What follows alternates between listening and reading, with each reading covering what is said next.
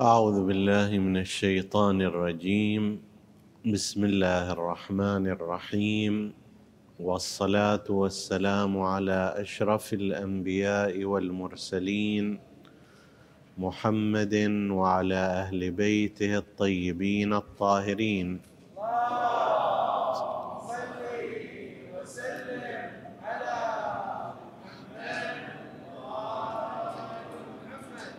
السلام عليكم أيها الإخوة المؤمنون أيتها الأخوات المؤمنات ورحمة الله وبركاته. في وصية الإمام الكاظم أبي الحسن عليه السلام لهشام بن الحكم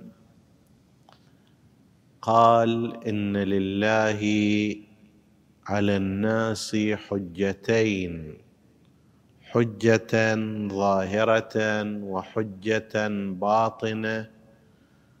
فأما الحجة الظاهرة فالرسل والأنبياء والأئمة وأما الباطنة فالعقول. ذكرنا في حديث مضى شيئا عن هذه الكلمة النورانية من الإمام الكاظم عليه السلام ونستكمل الحديث في هذا اليوم عنها إن شاء الله تعالى. من جملة ما يستدل به الفقهاء في استنباط الأحكام الشرعية. العقل عندنا الإمامية. فإنهم يقولون إن الأدلة على الأحكام الشرعية هي أربعة الكتاب القرآن الكريم حيث أن بعض الأحكام وردت صريحة في القرآن الكريم. الأحكام الأصلية أكثرها لو لم يكن كلها قد جاء في القرآن الكريم. الأمر بالصلاة الأمر بالزكاة الأمر بالصوم الأمر بالحج و غير ذلك من الأمور قد وردت آيات القرآن الكريم بها صريحة وواضحة فالفقيه قد يأتي مباشرة على القرآن الكريم ويستنبط منه.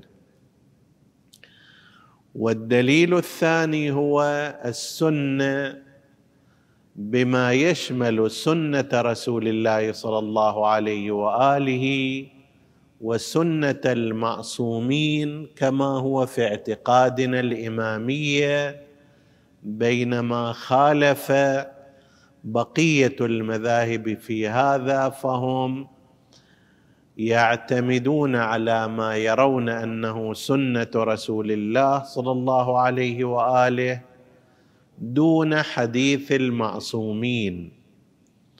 ولذلك فإنه لما كانت أحاديث رسول الله وسنة رسول الله عندهم لا تفي بالغرض ولا تشمل كل حاجات الإنسان العبادية فضلا عن المعاملاتية.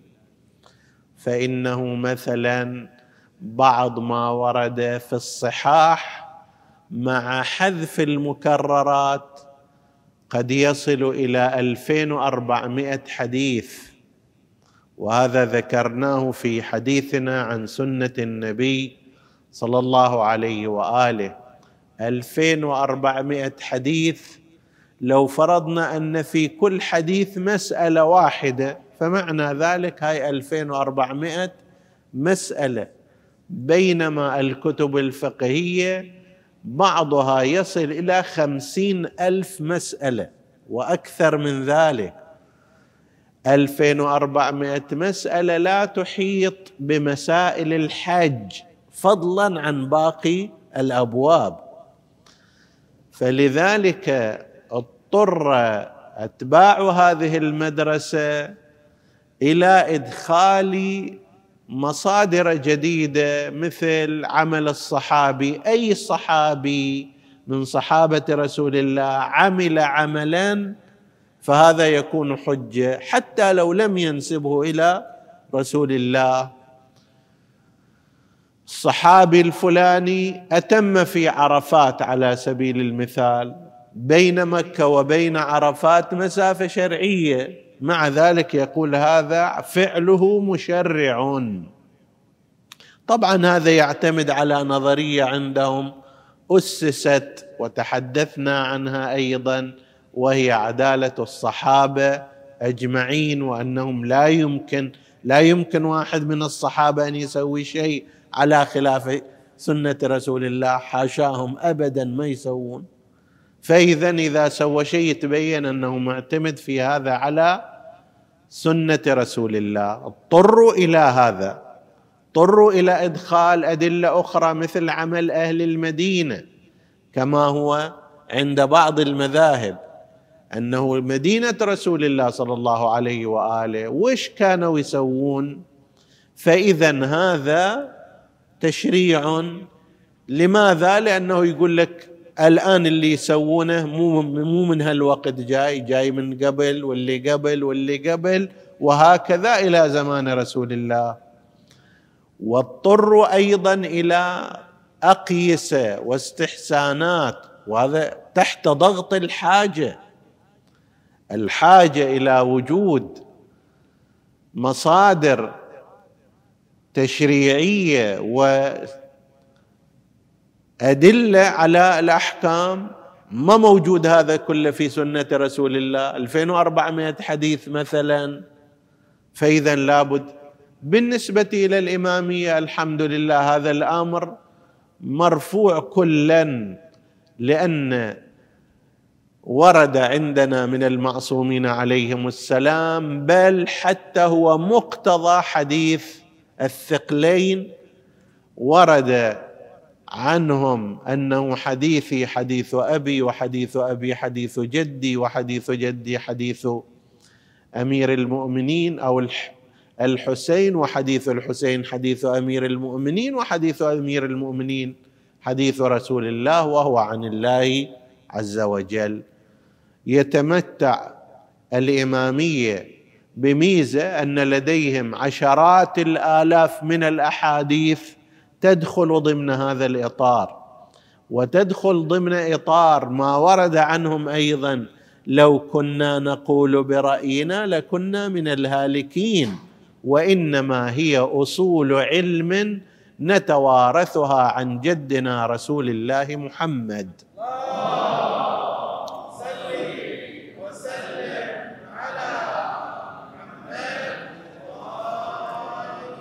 فإذا من الاستدلالات على الأحكام ما يرتبط بالسنة ويشمل سنة المعصومين وحديثهم.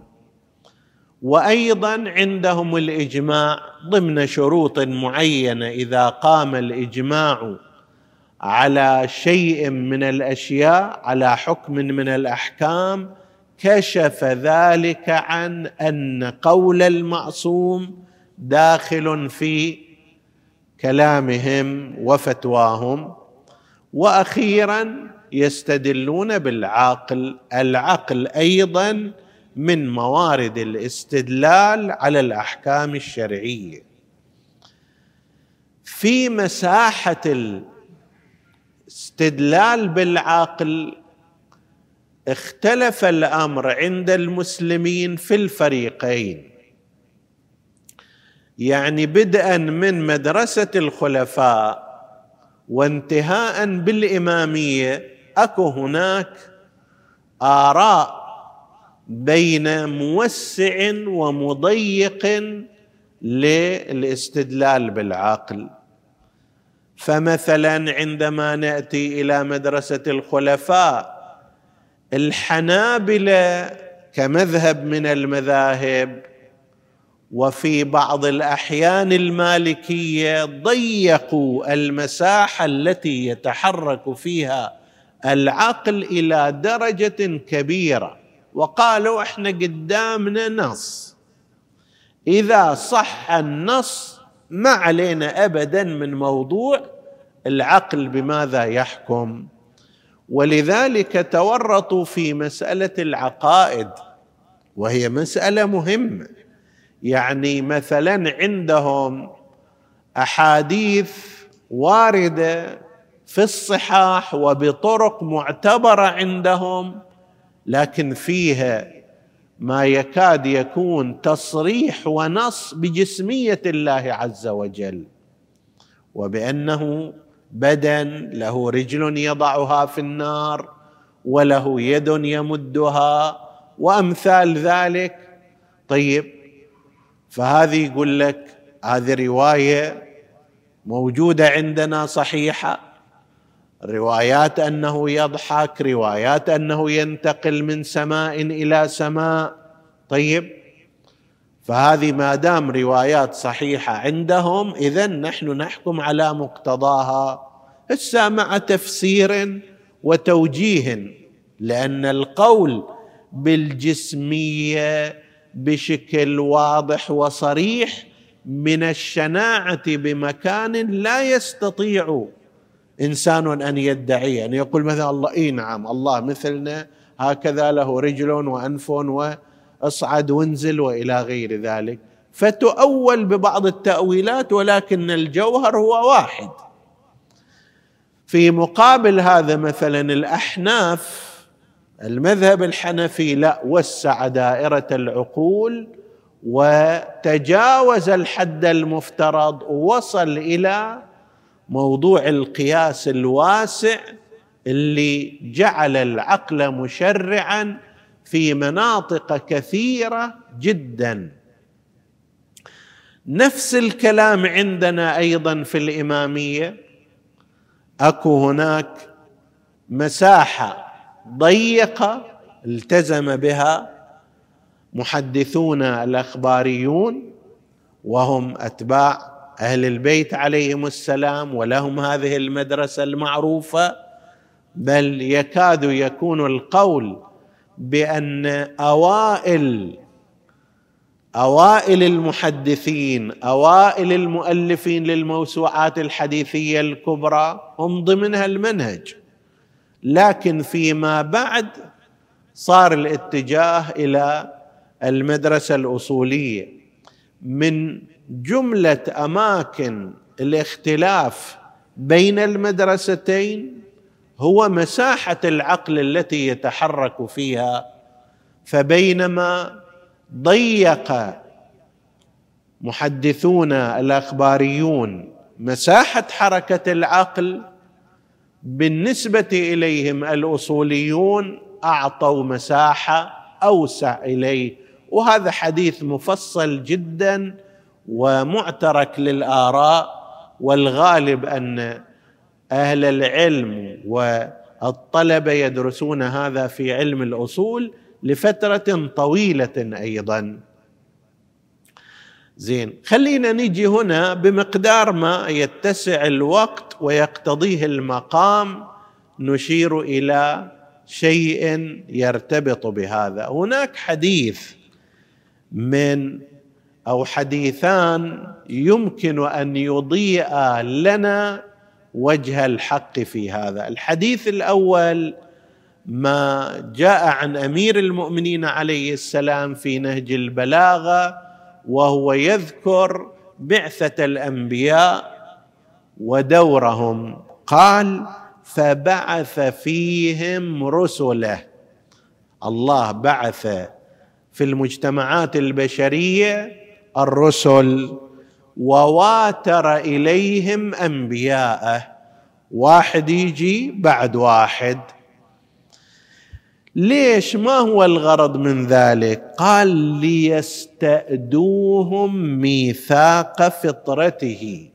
الله سبحانه وتعالى عندما خلق البشر خلقهم بشكل تهديهم فطرتهم ويدلهم عقلهم على بارئهم.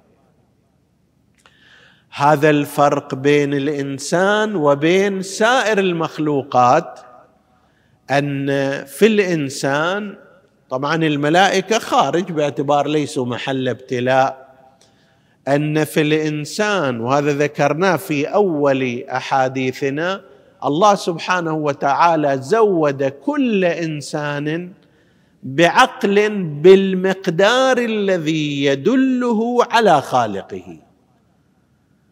بهذا المقدار وبإمكانه أن ينمي هذا العقل أو لا سمح الله ذلك البعيد يغطي هذا العقل بالشهوات والأهواء وما شابه ذلك.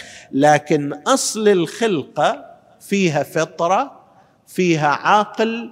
لو ترك الإنسان هكذا ما أثرت عليه المؤثرات الأخرى كان هذا العقل وكانت تلك الفطرة ترشده إلى وجود خالق لهذا الكون وإلى أنه يستحق العبادة وينبغي أن يتوجه الإنسان إليه. فهؤلاء الأنبياء شي يسوون؟ ميثاق الفطرة التي جعلها الله سبحانه وتعالى في البشر ياخذوها منهم. يرجعوها ترى ربكم عندما خلقكم وضع فيكم هذه الفطرة ألست بربكم في الآية المباركة؟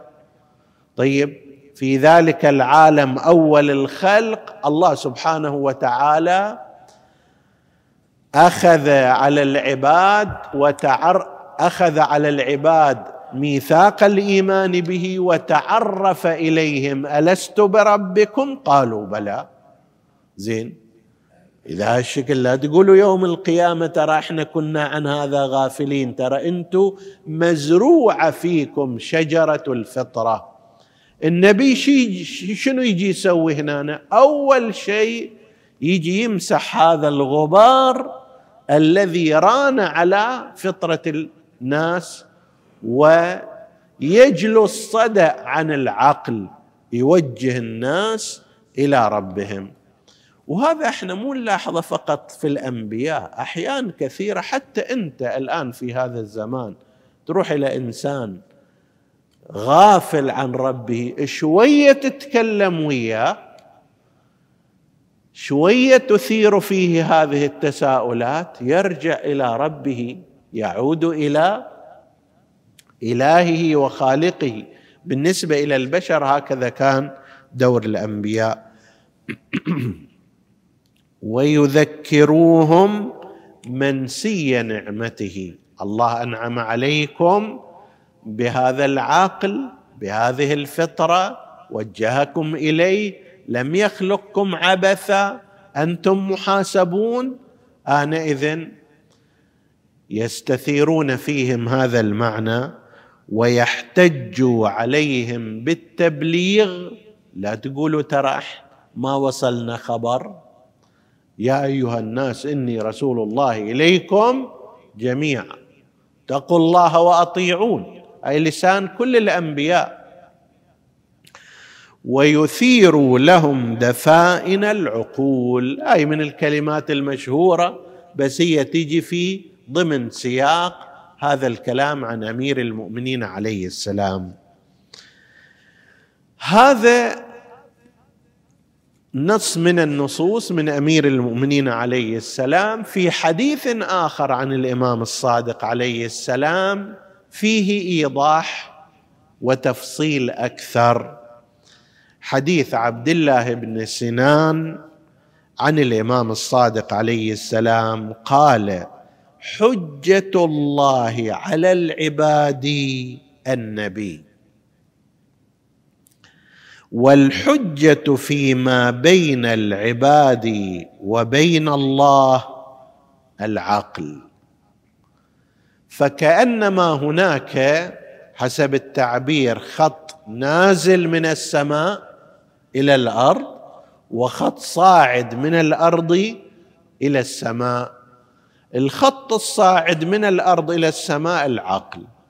الخط النازل من السماء إلى الأرض هو الرسول. ومعنى ذلك أن العقل فيما يرتبط بأمور معرفة الله عز وجل والوصول إليه مو الرسول يعرف بالله في أصل التعريف وإنما العقل. مو الرسول يشعر بالحاجة إلى عبادة الله. لا هذا موجود في فطرة الإنسان وفي عقله. الرسول يجيب تفاصيل المعرفة. يجيب أحكام عن الله عز وجل. لكن أصل أن الله أن لهذا الخلق خالقا. وأن على الخلق العبادة هذا مو النبي يقوله.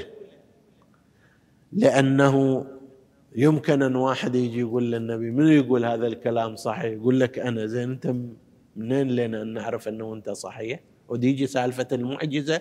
لكن قبل هذا ما يحتاج الرسول لو لم يأتي عند الإنسان قدرة وضعها الله سبحانه وتعالى على أن يتعرف أنه لا يعقل أن يكون هذا الكون بلا خالق.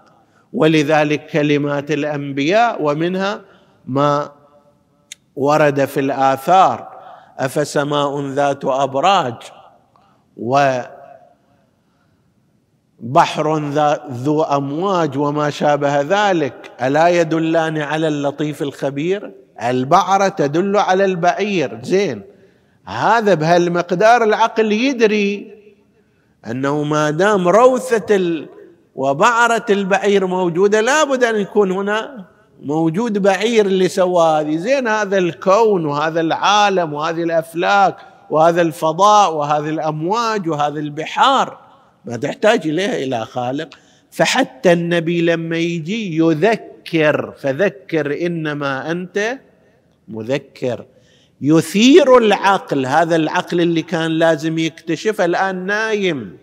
عليه تراب عليه صدى فيجي النبي يمسح هذا الصدى لو كان نفس العقل ما فيه قدرة مثل ليت. مثل مصباح تجي تمسحه إذا هو خربان شو يفيدك مسحة. إذا هو محروق لو تنظف فيه ما تنظف ما يفيدك. إنما ينفع إذا كان هذا المصباح في أصله منيرا. ذاك الوقت تشيل عنه الصدى والتراب والغبار فيرى الأشياء. كذلك عقل الإنسان. فما يرتبط بمعرفة الله عز وجل أصول المعرفة أن الله سبحانه وتعالى يجب عبادته يجب شكره هذا عقل الإنسان يوصل إليه. لكن ما يرتبط بالأحكام أنه لازم نصلي هل قد صلوات مو شغل العقل. لازم تكون الصلوات بهالطريقة مو شغل العقل. تفاصيل الشريعة لا يستطيع العقل أن يتدخل فيها وهذه شغلة الرسول الذي يأتي بتفاصيل العقيدة. أصل العقيدة العقل يقدر يوصل إليها. أصل أصل العقيدة في النبي لابد. إذا فرضنا وجود رب وإله في هذا الكون لابد أن يرسل رسولا. هذا العقل يدري عنه. يقول الله مو عابث حكيم. إذا كان حكيم. إله غاية من هذا الخلق. هذه الغاية ما هي؟ نحن بأنفسنا لا نعلمها. من الذي يعلمها ويعلمنا إياها؟ هو رسله. فهنا نتيجي دور الأنبياء بهذه الصورة بينما دور العقل بتلك الصورة. فإذا في أصل العقائد العقل له مسرح ومسرى ومسمع ومشهد. بل تنتهي الأمور إليه. أما فيما يرتبط ببلاغ الله للناس بأحكامه الشرعية فالمبلغ عنها النبي والإمام. تيجي مسألة أخرى ونشير إليها في دقائق وننهي الحديث وهي أنه في بعض المواضع يستدل بالعقل. وين؟ في موضوع العبادات العقل ما إلى الشغل. العاقل لا شأن له. كيف تصلي وماذا تصنع وكيف تعبد ربك؟ هذه لازم الأنبياء. لكن هناك بعض القضايا الفقهية يستدل فيها العلماء والفقهاء بالعقل وهو ما يسمونه موارد الاستلزامات العقلية. فد مكان من الأماكن شفنا أنه يلزم من القيام بهذا أو الإفتاء بهذا الأمر يلزم التناقض. اجتماع النقيضين افعل ولا تفعل ما يصير. فهنا العقل يقول لا يمكن أن يكون هناك تشريع. هم يأمرك وفي نفس الموضع وفي نفس الوقت مع توفر سائر الجهات ينهاك. هذا لا يمكن. طبعا هذا له مقدمات أخرى تذكر في هذا الباب أنه هل أن الحسن والقبح عقليان أو لا؟ وهل يمكن أن يأمر الشرع بما هو قبيح عقلا لا سمح الله أو لا؟ هذه بحوث بعد إحنا ما نقدر نتعرض إليها في ضمن هذا الحديث ولكن المجمل ذكرناه وهو أنه ما يرتبط بأصول العقائد العقل له المسرح الكبير فيها ما يرتبط بتفاصيل العقائد النبي والإمام وهما الحجتان الظاهرتان بتبليغهما يعلمان ويعينان. فيما يرتبط بالتشريعات. الأصل هو ما بلغه النبي والإمام لكن للعقل أيضا مدخلية في غير إطار العقائد في المجالات التي يلزم منها القبح في المجالات التي يلزم فيها التناقض أو التضاد. هناك يمكن أن يحكم العقل بعدم وجود تشريع في هذا المقام وفي مثل ذلك المورد ما أمر به العقل فقد أمر به الشرع نسأل الله سبحانه وتعالى أن يوفقنا وإياكم لاتباع العقول الصحيحة ولاتباع الحجج الظاهرة من الأنبياء والأئمة عليهم السلام إنه على كل شيء قدير وصلى الله على محمد وآله الطاهرين.